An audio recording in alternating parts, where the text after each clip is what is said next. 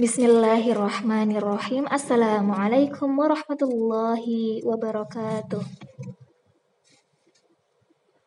Alhamdulillah wassalatu wassalamu ala Rasulillah wa ala alihi wa sahbihi ajmain amma ba'd. Ada DTP Ibnu Abbas yang dirahmati oleh Allah Subhanahu wa taala. Alhamdulillah pada hari ini yaitu hari Jumat tanggal 4 Maret 2022 kita telah memasuki bulan baru di tahun Hijriah yaitu bulan Sya'ban tepatnya tanggal 1 Sya'ban dan sebentar lagi kita akan berjumpa dengan bulan yang sangat mulia yaitu bulan Ramadan. Perlu kita ketahui bahwasanya bulan Syaban adalah bulan yang penuh kebaikan. Namun, banyak sekali orang yang lalai untuk beramal soleh di bulan ini, karena yang mereka nantikan adalah bulan Ramadan. Bulan Roma, bulan Sya'ban berada di antara dua bulan yang agung yaitu Rajab dan Ramadan. Dan tidak ada yang memanfaatkan bulan Sya'ban sebaik mungkin kecuali orang-orang yang diberi taufik oleh Allah Subhanahu wa taala. Dan di bulan Sya'ban ini Allah memerintahkan beberapa hal kepada kita. Yang pertama adalah persiapan menyambut Ramadan. Persiapan yang paling penting dan utama untuk menghadapi bulan Ramadan adalah ilmu agama, yaitu ilmu pengetahuan terkait amaliyah di bulan Ramadan. Perlu kita ketahui bahwasanya sebagian orang hanya mengetahui bahwasanya bulan bulan Ramadan adalah bulan puasa. Waktunya untuk berpuasa, yaitu menahan diri dari makan dan minum dari terbit fajar sampai terbenam matahari. Itulah yang mereka ketahui. Dan mereka tidak tahu bahwasanya sebenarnya bulan Ramadan adalah bulan ibadah. Mereka banyak sekali yang meninggalkan sholat dan ibadah-ibadah lainnya.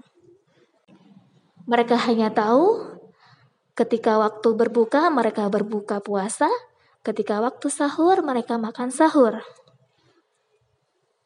Padahal bulan puasa itu tidak hanya tentang menahan diri dari lapar dan haus, akan tetapi pada bulan ini banyak sekali amalan sunnah yang terkait dengan puasa, seperti mengakhirkan makan sahur, menyegerakan berbuka puasa, juga salat tarawih, membaca Al-Quran, sedekah, dan ibadah lainnya.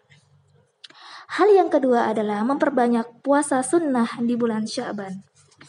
Aisyah radhiallahu anha berkata, Aku tidak pernah sama sekali melihat Rasulullah Shallallahu Alaihi Wasallam berpuasa secara sempurna sebulan penuh selain pada bulan Ramadan. Aku pun tidak pernah melihat beliau berpuasa yang lebih banyak daripada berpuasa di bulan Syaban. Hadis riwayat Bukhari dan Muslim. Ibnu Rajab Al-Hambali radhiyallahu anhu dalam Lataif Al-Ma'arif mengatakan, di antara rahasia kenapa Nabi Muhammad Shallallahu Alaihi Wasallam banyak berpuasa di bulan Sya'ban karena puasa Sya'ban adalah ibarat ibadah rawatib atau ibadah sunnah yang mengiringi ibadah wajib.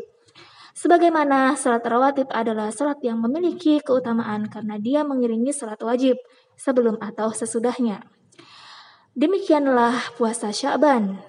Karena puasa di bulan Sya'ban sangat dekat dengan puasa Ramadan, maka puasa tersebut memiliki keutamaan dan puasa ini bisa menyempurnakan puasa wajib di bulan Ramadan. Hal yang ketiga adalah membayar hutang puasa sebelum masuk bulan Ramadan.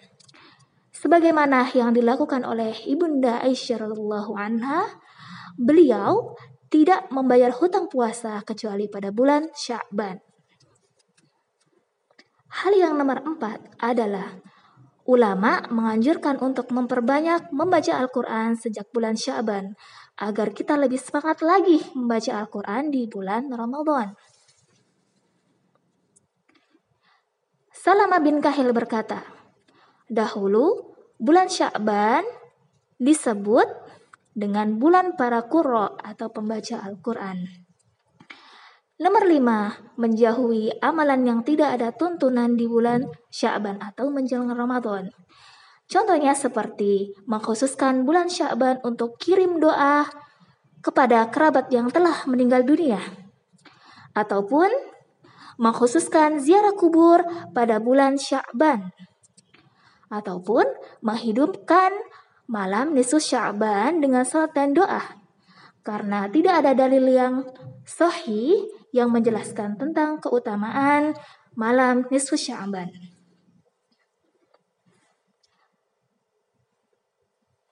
Perlu adik-adik ketahui dan ingat bahwasanya Abu Bakar bin Balkhi berkata, Syahrul Rajab, Syahrul Zara' wa Syahrul Sya'ban, Syahrul Saqiyiz Zara' wa Syahrul Ramadan, Syahrul Zara' yang artinya Bulan Rajab saatnya menanam, bulan Sya'ban saatnya menyiram tanaman, dan bulan Ramadan saatnya menuai menuai hasil.